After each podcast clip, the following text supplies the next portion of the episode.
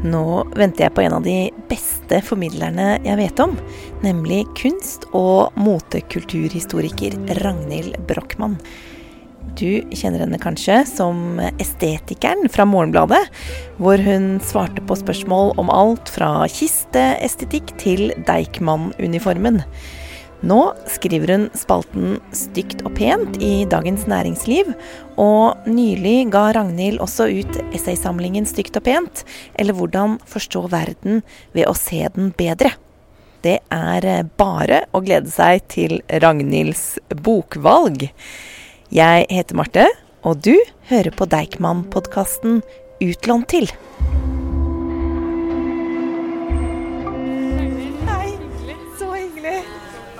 Velkommen til uh, biblioteket. Takk.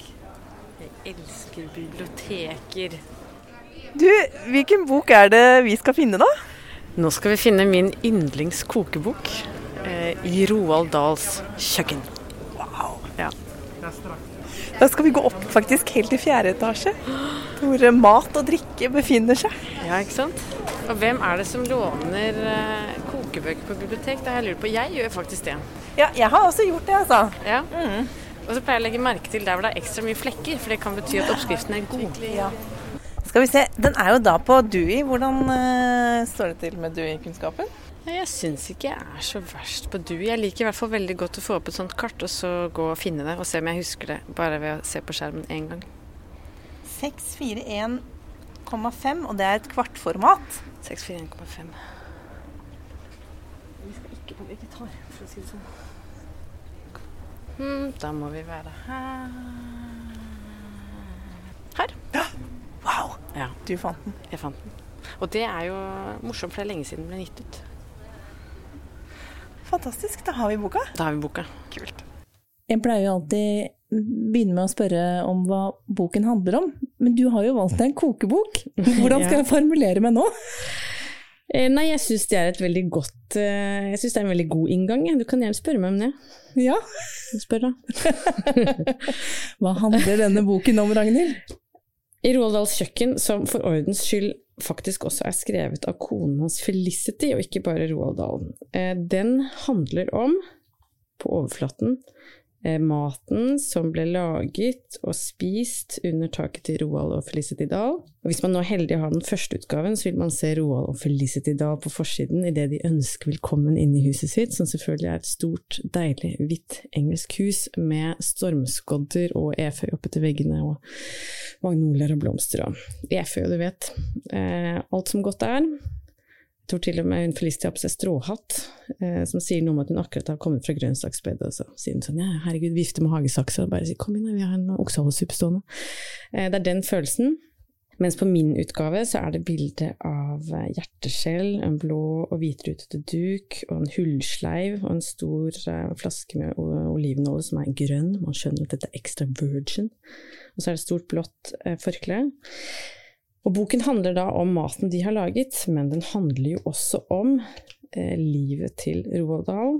Eh, hvorfor matlaging, middagsselskaper, det å samles rundt et eh, matbord betyr så enormt mye. Og for meg handler den om at også mat og alle såkalt hverdagslige sanselige opplevelser er like mye verdt som ja, kunst og litteratur og musikk og alle disse eh, ofte beskrevet som mer høytstående eh, kulturuttrykkene, men at også mat, sjokolade, rapphøns, eh, små eggeretter, quiche, eh, også har sin plass i den store sanselig meningsfulle, fortellingen om å være mennesker. Så kort sagt så er det en bok som forteller deg at hele livet, fra du står opp om morgenen til du spiser en brødskive før du skal på jobb, til du kommer tilbake til middagsbordet, kan være raffinert. Eh, og at du kan lene deg tilbake i middagslaginga di, vel vitende om at du har gjort et kultivert stykke arbeid, istedenfor noe stusslig som du bare må ha gjort for at unga skal ha noe i magen.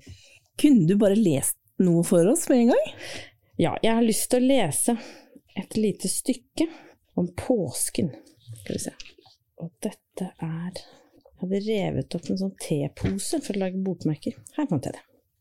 Dette er jo en kokebok, så det er jo masse vidunderlige bilder av mat og av huset. Det, det, kan vi snakke litt om etterpå, hva slags bilder dette er, og hvorfor de appellerer så intenst til meg. Gjorde det første gang jeg så på boka. Gjør det stadig vekk. Altså, dette er et slags jeg vet ikke, Kanskje det er mitt andre hjem, det men det er en av mine mange hjem som jeg har på en måte rundt omkring i forskjellige verdensdeler gjennom bøker som jeg har i hylla. Eh, men i hvert fall, det er en veldig fin bok fordi det har da nydelige bilder.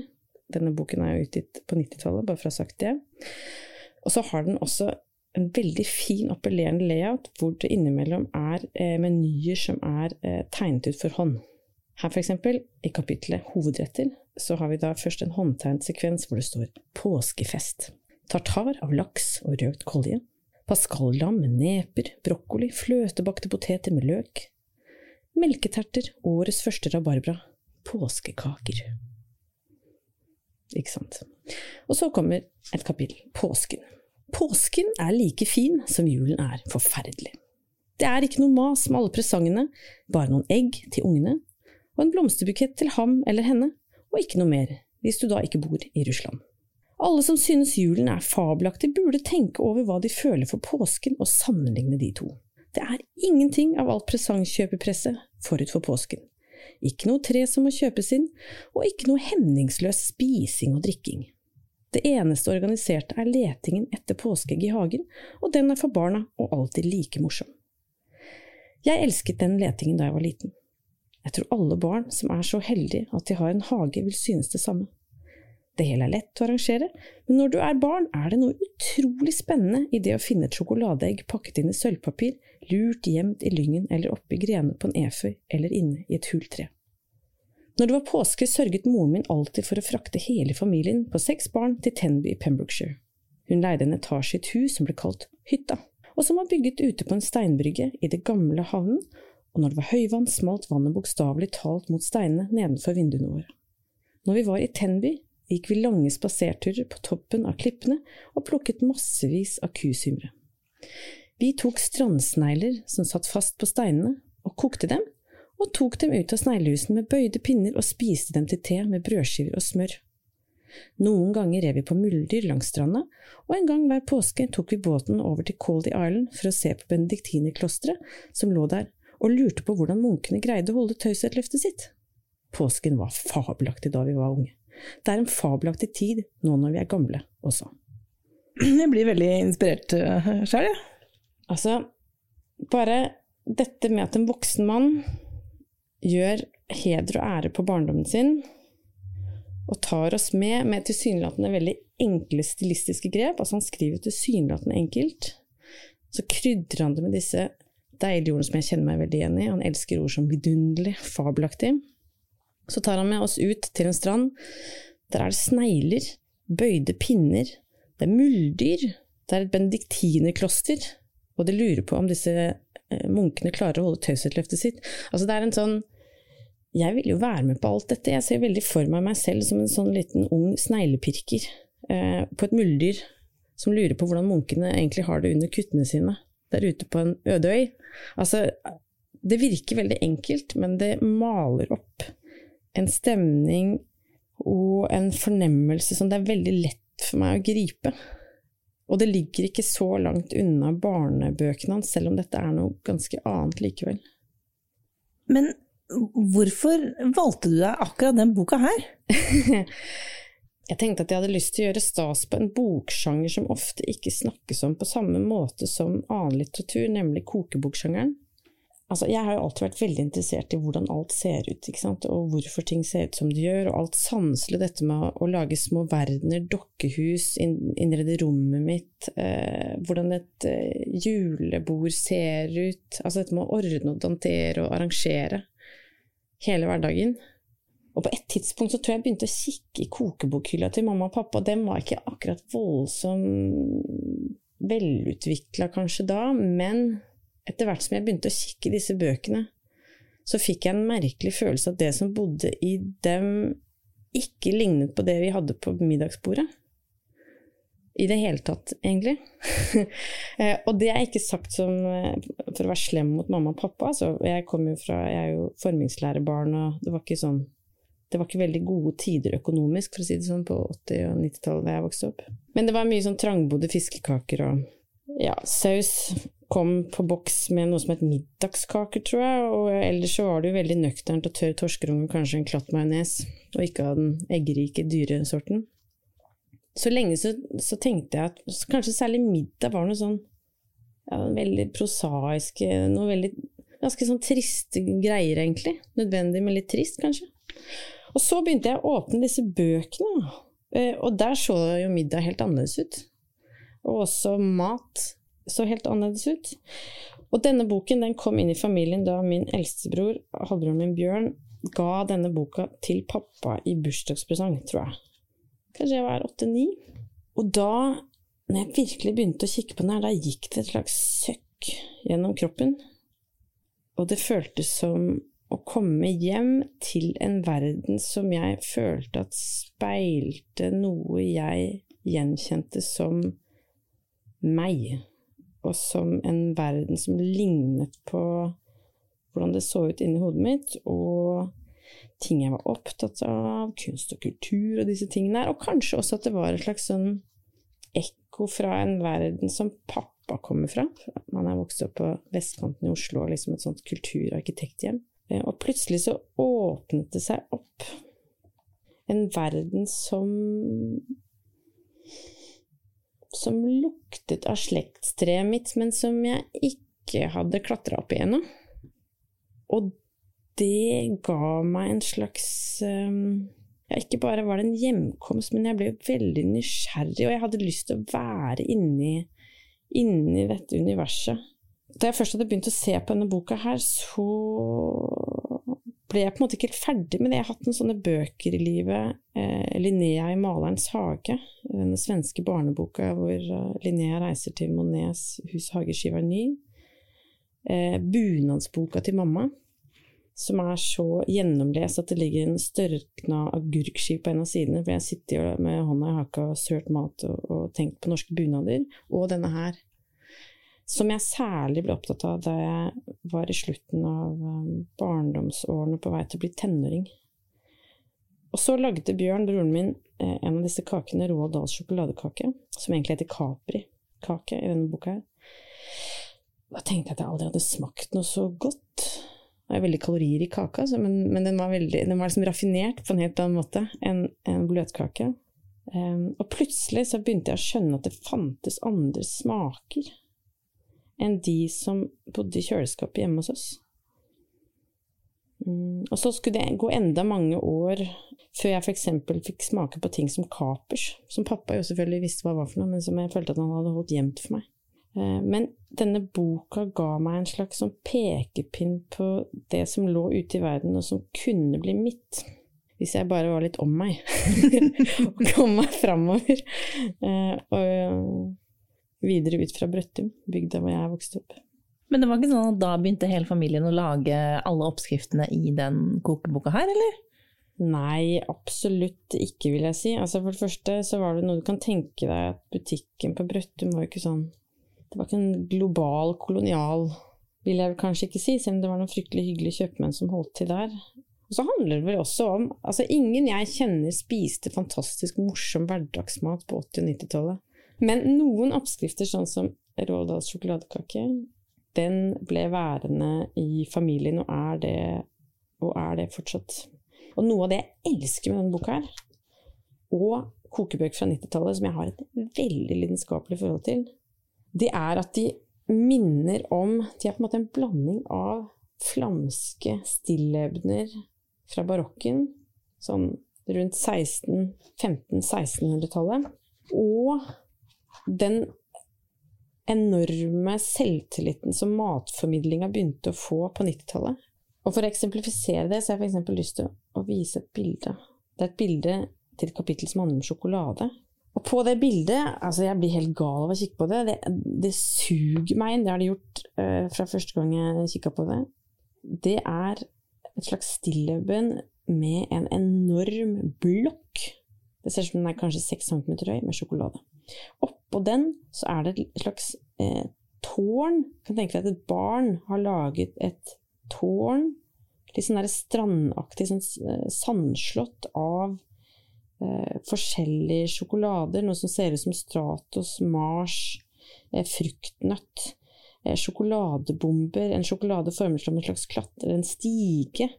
Og eh, marengs eh, med sjokolade rundt det er rett og slett en sånn overflod satt inn i et slags eh, Det ser ut som et byggverk som kunne kommet rett ut av Charlotte den store sjokoladefabrikken. Ved siden av der er det en rød plasteske med masse Smarties og maltesere. Og det er sjokolade, sånn Cadbury-egg, som har en, rød, en rennende plomme og en hvit eggehvite. Det er en tollekniv med forskjellige eh, tresorter, en legering på skjeftet og en sånn dopp, som det heter, en sånn ende på kniven i blankt metall. Det er det som ser ut som en stein. Jeg vet ikke hvorfor den er det. Det ser veldig spennende ut. Og bak der så er det eh, forsatsen til eh, Charlens store sjokoladefabrikken i sånn nydelig font med seriffer, monogram og en løve. Og så står det 'Charlie and the Chocolate Factory', Roald og illustrert sånn og sånn, og til Theo. Og bare dette her, alt ligger da på sånn matpapir som du ville fått i en elegant sjokoladeforretning, eller bare en, en sånn spesialforretning i gamle dager hvor all maten er pakka inn eh, med hyssing. Og så er det satt mot en sånn rødbrun eh, murvegg eh, dekorert à la 90-tallet, sånn med svamp, sånn at det ser ut som det er litt sånn rustikk bakgrunn. Og hele dette bildet i eh, papirhvitt, i plast som pleimorødt, i sjokoladebrunt og Smarties. En Smarties-palett på toppen av det. Kanskje ikke så lett for en lytter å skjønne hvor vidunderlig det er, men det er bare Jeg har lyst på alt i bildet, selv om jeg ikke er så spesielt glad i sjokolade, og det får meg til å kjenne hvordan Charlie hadde det da han fikk gullbilletten. Det er jo helt fantastisk. Ja, nå kan det jo være at det bare er jeg som ser alt dette, altså, men, men um, For noen følelser! Ja. ja, jeg har veldig sterke følelser. Det er det. Det sier min mor. Det er helt sant. Faren min òg, for så vidt. uh, og hele denne boken har en lang rekke sånne bilder, og, og, nå skal jeg si en ting til om hvorfor denne boken er så viktig for meg. Og nå stopper jeg ved et bilde med en agurkplante, og under den så er det en veldig enkel agurksalat og en sølvskje. Og denne veldig pene agurkplanten, og for de som ikke vet hvordan agurkplanter ser ut, så er de Er de pene? De er veldig pene. De har noen blader som Ja, det ser ut som en, en, plante du kunne hatt i stua di nå som grønne, blomsterløse planter stadig er populært. Og så har de den bitte lille agurken har på enden sin, før den blir en stor agurk, en liten gul blomst som ser ut som en blanding av orkidé og smørblomst. Og så har agurkeluren, bare for å bruke et annet Roald Dahl-ord, veldig lange, grønne tentakler som kveiler seg akkurat som løvetann eh, når du putter i vann når du er barn. Hvis du krøller løvetann. En god barneaktivitet, fullstendig unyttig, unyttig og derfor så fornuftig, vil jeg si. Og så er den veldig sånn dypgrønn, og så har den lange, pene nerver nedover eh, bladene sine. Og det hadde seg altså sånn, apropos disse sterke følelsene og meg, jeg har jo alltid tegna masse og på mange forskjellige måter og forskjellige stilarter, og ikke bare den som folk kanskje kjenner fra estetikeren, som er litt sånn, hva skal man si, rett i fjeset på deg. Jeg var et sånt barn som i en periode hadde litt sånn eh, Jeg har jo alltid følt at alt står veldig på spill. Skolen, dansing, eh, tegning, lesing, alt jeg har vært veldig opptatt av. Og det er jo veldig fint, for da får man gjort veldig mye og blir flink i ting og sånn, men jeg, jeg, har også vært sånn som har bekymret meg en del. For eksempel, jeg tegna jo lenge, det gikk et rivende tempo. Jeg tegna masse hele tida. Og så kom det en periode på ungdomsskolen hvor jeg hadde et slags opphold. Tenkte på andre ting kanskje, og tegna ikke så mye. Og så, når jeg på en måte skjønte det, herregud, nå tegner jeg ikke så mye, tenkte jeg det er stagnasjon. Da var jeg kanskje sånn 14. Det er stagnasjon! Eh, er det ikke Åh, gud, hva er dette? Er jeg liksom ikke Har jeg det ikke lenger? Hva, hva skjer? Og da jeg begynte å ta opp igjen eh, blyanten det første bildet jeg da tegnet igjen, det var den agurkplanten.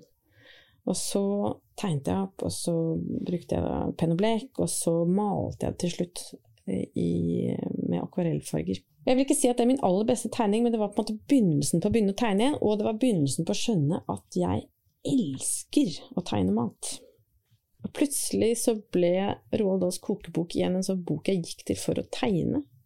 Så jeg har tegnet veldig mange av disse bildene. Jeg tenkte jeg skulle vise deg også. Å, du har med? Ja, jeg har med. Fordi disse bildene I 2009 så bodde jeg da i England, og da, det var ikke noe sånn knallår på en del måter, men det som skjedde Så da begynner jeg å tegne masse igjen, og da går jeg igjen til Roaldals kokebok, og det er det jeg kan si om og nå hvorfor jeg elsker 90-tallskokebøker. Det er ikke bare fordi at de har en tidsdybde og en referanserikdom som, som brer seg utover og bakover i kunsthistorien, men de er veldig gode å tegne etter, fordi fra 90-tallet og framover et stykke så har det vært veldig mye kokebøker som har masse fine bilder. For eksempel er jeg veldig glad i Jamie Oliver sine kokebøker, og det er litt sånn saftige, fargerike hva skal man si Det er, det er mye, mye sensualitet og mye en snapshot-estetikk og, og, en følelse av å være rett nedi kjøttet på fisken. Mens her er du litt eh, utenfor, og det er litt mer et stilleben. Eh, og det jeg gjorde da, eh, det var at jeg unnfanget en liten idé som var å lage matkort. Og da brukte jeg disse tegningene bl.a. fra Roalds kokebok til å ha en mattegning på forsiden. På baksiden er det da en oppskrift. Eh, og disse kortene skulle bli litt viktig for meg. Nå kan du få kikke på den. Ja. Oi, oi, oi. Dette her er f.eks. Roald Dahls sjokoladekake. Oi, Men er det da oppskriften da på Roald Dahls sjokoladekake? Ja, det er det. Um, jo, disse kortene ble liksom viktige for meg fordi jeg hadde altså da en alvorlig ulykke i 2010 som handlet om at jeg skulle klatre over et gjerde og falt ned og slo hodet mitt eh, veldig hardt. Og det har jeg snakket om andre steder, så den fortellingen behøver jeg ikke å, å utbrodere her. Men det som var viktig, var at det første jeg klarte å gjøre etter ulykken, det var å ha en tegneutstilling. Og få satt disse kortene i en bitte liten produksjon. Så det jeg gjorde det første halve året hvor jeg ikke lenger klarte å lese og skrive noe særlig og gjøre noe særlig ting, det var at jeg da gikk rundt til butikker som på Nasjonalmuseet blant og spurte litt som en sånn liten tiggerjente. Kunne dere tenke dere å selge kortene mine? Og jeg hadde til og med fått mamma til å lage et display! det hadde jeg glemt! Og, og, da var det så lite i livet som var sånn som det pleide, og det var så viktig for meg å gjøre noe som var noe. Og det, var selvfølgelig, det er ikke mye penger å tjene på kort, for å si det sånn, eh, sånn som jeg holdt på, i hvert fall. Men bare det å lage noe eh, som så ut som meg, og som kunne bo ute i verden, det var veldig viktig. Og på den tida jobba jeg også på en kafé som het Food Story, der var det en liten sånn delikatessebutikk, og der kunne jeg selge det. Eh, så, så, de kortene, og at de er forankret tilbake til et sånt hjemsted, altså Roald Dahls eh, ikke bare kokebok, men livsverden, eh, ble et slags sånn sted for meg å hente noen krefter og en slags sånn livsforankring, da, for å bruke litt store ord på det. Som også har å gjøre med hvorfor jeg har ja, igjen disse sterke følelsene. Sterke følelser for akkurat de kortene. Nå er det snart ikke noen igjen, for jeg har gitt, gitt bort de siste. Men hadde, den ideen hadde aldri skjedd, tror jeg, om jeg ikke hadde begynt å tegne etter disse stillevnene i akkurat denne boken. Men disse er jo veldig fine. Det er, det er um, svart-hvitt, er det riktig? Uh, ja, det er svart-hvitt. Det er enkle, um, det er enkle tusj. Og det er noe med for alle som er glad i å tegne, eller som er glad i å, kikke på tegninger eller uh, glad i kunst, og se på kunst. Og kanskje særlig tegning og illustrasjon, så er det et eller annet med at det å gjengi mat som er så sanselig og taktilt, med en strek, eller sånn som jeg tegner og jobber, uh, som er en sånn one sit måte å tegne på. At, er, at, jeg sitter der og gjør det, jeg tegner ikke opp først. Det er veldig Det er nå eller aldri. Det er et slags sånn å samle konsentrasjon, litt sånn som når du lager mat. Da. Det er gøy at du bare Det er nå eller aldri. Det er nå eller aldri du lager biffen bra eller svir den. Liksom. Det er nå eller aldri du tegner en, en virkelig god blekktegning eller, eller tuller det til. Så den der konsentrasjonen i å tegne eller å lage mat eh, ligner litt på hverandre, syns jeg. Og det er kanskje også derfor jeg liker så godt å tegne akkurat mat. Da, også. Her er det makrell og Makrell med stikkelsbær. Ja. ja. Det er en gammel fransk 1700-tallsrett. Stikkelsbær, det. Ja, du kan tenke deg den feite, feite fisken, og så ja. denne litt frekke, syrlige stikkelsbæra som kommer og legger seg ved siden av makrellen. og så blir det smaskens. Mm. Mm. Og her kjøttpudding. Hvem lager kjøttpudding? Det er ikke så mange. Lager du kjøttpudding? Nei, jeg kunne godt laget mer pudding. Og jeg drømmer, apropos pudding, om det er én ting jeg drømmer om, og som denne boken har veldig mye av, så er det da pudding. Det er mye puddinger i denne boken, og det er mange eh, objekter lagt ned i, i gelé. Ja, vi må snakke om gelé. Søt og salt. Ja. Vi må snakke om gelé. Da skal jeg finne fram det bildet jeg tror du refererer til, og skal jeg prøve å beskrive det. Er det godt med gelé? Ja, nå snakker vi altså da om aspik. Du mener Ja. aspik, ikke sant? Salt, gelé. Ja, jeg syns Det her er jo litt en sånn konsistenspreferanseting. Men jeg syns jo aspik er veldig morsomt. Men Eh, spiser du det? Nei, for det er jo Hvis du kjøper f.eks. kabaret på butikken, så smaker jo alt i den, både aspikken og alt rundt, litt trist. Det er litt sånn amerikablanding puttet oppi en pakke gelé uten smak, med mye salt. Eh, Og det blir man jo ikke så lykkelig av. Eh, Men jeg har smakt hjemmelagd kabaret, og lenge trodde jeg da jeg var barn at vi alltid pleide å ha kabaret da det var Ta sjansen på TV for den som husker det. Oh, ja. Det tror jeg er den enkle grunnen at det skjedde én gang, og da trodde jeg at det var en tradisjon. Og at det var en fantastisk ting vi hadde i vår familie. Men det skjedde aldri igjen, det. Var det en illusjon som brast? Ja. ja, her er denne retten som du sikter til. Og øfs en gelé. Jeg lurer på om man sier øff gelé. Jeg skal lese kort hva Roald Dahl selv sier om dette her, først. Etter mitt syn er dette en vakker og nydelig rett, men det er vanskelig å få den skikkelig til. Hvis du greier å få eggene bløtkokte, og samtidig adskilt i geleen, og unngå at geleen blir for tykk, har du prestert et mirakel. Og nå kommer et bilde som jeg har lurt veldig mye på. Her har vi altså en glassbolle ved siden av en veldig nydelig tykk, gammel fjøl. og På den fjøla er det et stykke smør, eh, og ved siden av og bak den, eh, det smørstykket så er det da en stabel med ristet, veldig godt ristet loff, og bak det en potte med estragon. Og så kommer la pièce du résistance, for å holde på fransken som jeg ikke er så god i, og det er da en gjennomsiktig bolle. Oppi den er det en brun aspik, altså en klar kjøttbuljong med gelatini. Og der oppi er det ploppet en hel masse kokte, bløtkokte egg, sånn at de liksom er fanget i bevegelsen mens de slippes oppi, nedi geleen, sånn at de ligger liksom hult ut i bulter. Er det mulig? Nei, det burde jo ikke være mulig, og det, ikke sant, her kan man tenke sånn, noen løser sudoku, andre prøver å få bløtkokte egg til å ligge stille, men liksom som om de rører på seg oppi gelé. Og det er det noen som har fått til her, da. Og det her er jo typisk en del tradisjonell kokekunst, at det handler om at det er vanskelig, som viser at kokken er flink. At det er tidkrevende, som viser at de som spiser maten, har um, penger til å ansette noen til å lage mat som, som tar denne tiden. Altså at det er prestisjefylt av den grunn.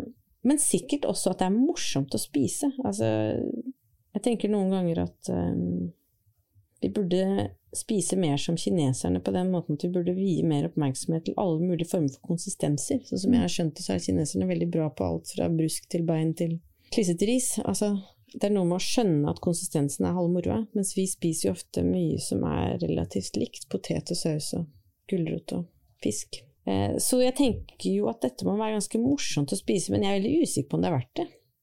Alt arbeidet, altså. Ja, du har ikke prøvd å lage en sånn uh... Nei, jeg har ikke det, men jeg drømmer om å lage noe av spikk. Skal jeg fortelle deg hva jeg drømmer om? Jeg drømmer om å iscenesette en brytekamp mellom to hummere på et bed av hjerteskjell med små reker som tilskuere nedi en blåfarget eller algefarget aspik. Dette tror jeg er det rareste jeg har hørt. Men det høres flott ut. ja, ja. Fantastisk. Ja, så jeg har hatt mange drømmer om aspik, men jeg har, ikke, jeg har vel ikke hatt um, motet. Eller overskudd til å gjøre det. Eller kanskje jeg ikke har hatt noen å lage det med. med. Hvis det er noen der ute som har lyst til å lage um, aspik med meg, så kan vi snakke om det. uh, det er ikke noe sånn Guinness rekordboklyst, liksom. Jeg bare Det høres veldig morsomt ut. Apropos barnebok. Det høres ut eh, Ja, det høres, eh, det høres ut som noe som burde gjøres. Den boka her, en blanding mellom sånn memoarer og mat og kulturhistorie. Og bilder man ikke ser på Instagram. Er ikke det deilig? Jo, det var veldig deilig. Det var forfriskende. Det er veldig lett med det som er lett tilgjengelig, det sier seg jo sjøl. Og det er alltid hyggelig å følge de man liker, og de som har noe vettugt å si, og det er det mange som har, eh, eller vettugt å vise fram. Samtidig, enhver tid er jo seg sjøl veldig lik. Tidsånden har ikke tusen tanker i huet samtidig. Og derfor er det veldig bra med et bibliotek. Jeg tenker noen ganger sånn, livet er en slags sånn parfymebutikk, og så går du rundt og å gud, åh, gud, åh, det lukter mye deilig. Og så må man jo da lukte på kaffe innimellom for å rense opp nesegrevet sitt og klare å skjønne hva det er man driver lukter på om man egentlig har lyst til å være inne på der. Og det er på, om det er parfyme man trenger. Eh, så det er noe med å dra til andre kilder for å ikke hele tiden se det samme. Ikke hele tiden lukte det samme. Og det er ikke alltid at du og jeg har råd til å reise langt bort for å se oss selv litt på nytt. Og da er det veldig fint å komme til bibliotek og f.eks. kikke i kokebokhylla, hvor man kan gå og lufte nepa for å bruke en matmetafor, og prøve å få lyst på noe nytt. Ommøblere hodet litt. Grann. Tusen takk, eh, Ragnhild, for å ha delt denne fantastiske kokeboken med oss. Jo, tusen millioner takk for at jeg fikk lov til å komme. Og så håper jeg nå Jeg håper at mange får lyst til å komme og låne denne boken. Og at de får like stor glede av bildene som meg, og ikke minst tekstene, som altså er veldig fine. Og kanskje de får et nytt forhold til Roald Dahl. Takk til deg som har lyttet til Deichman-podkasten Utlånt til. I Roald Dahls kjøkken av Roald og Felicity Dahl, oversatt av Tor Edvin Dahl. Den kan du låne på biblioteket.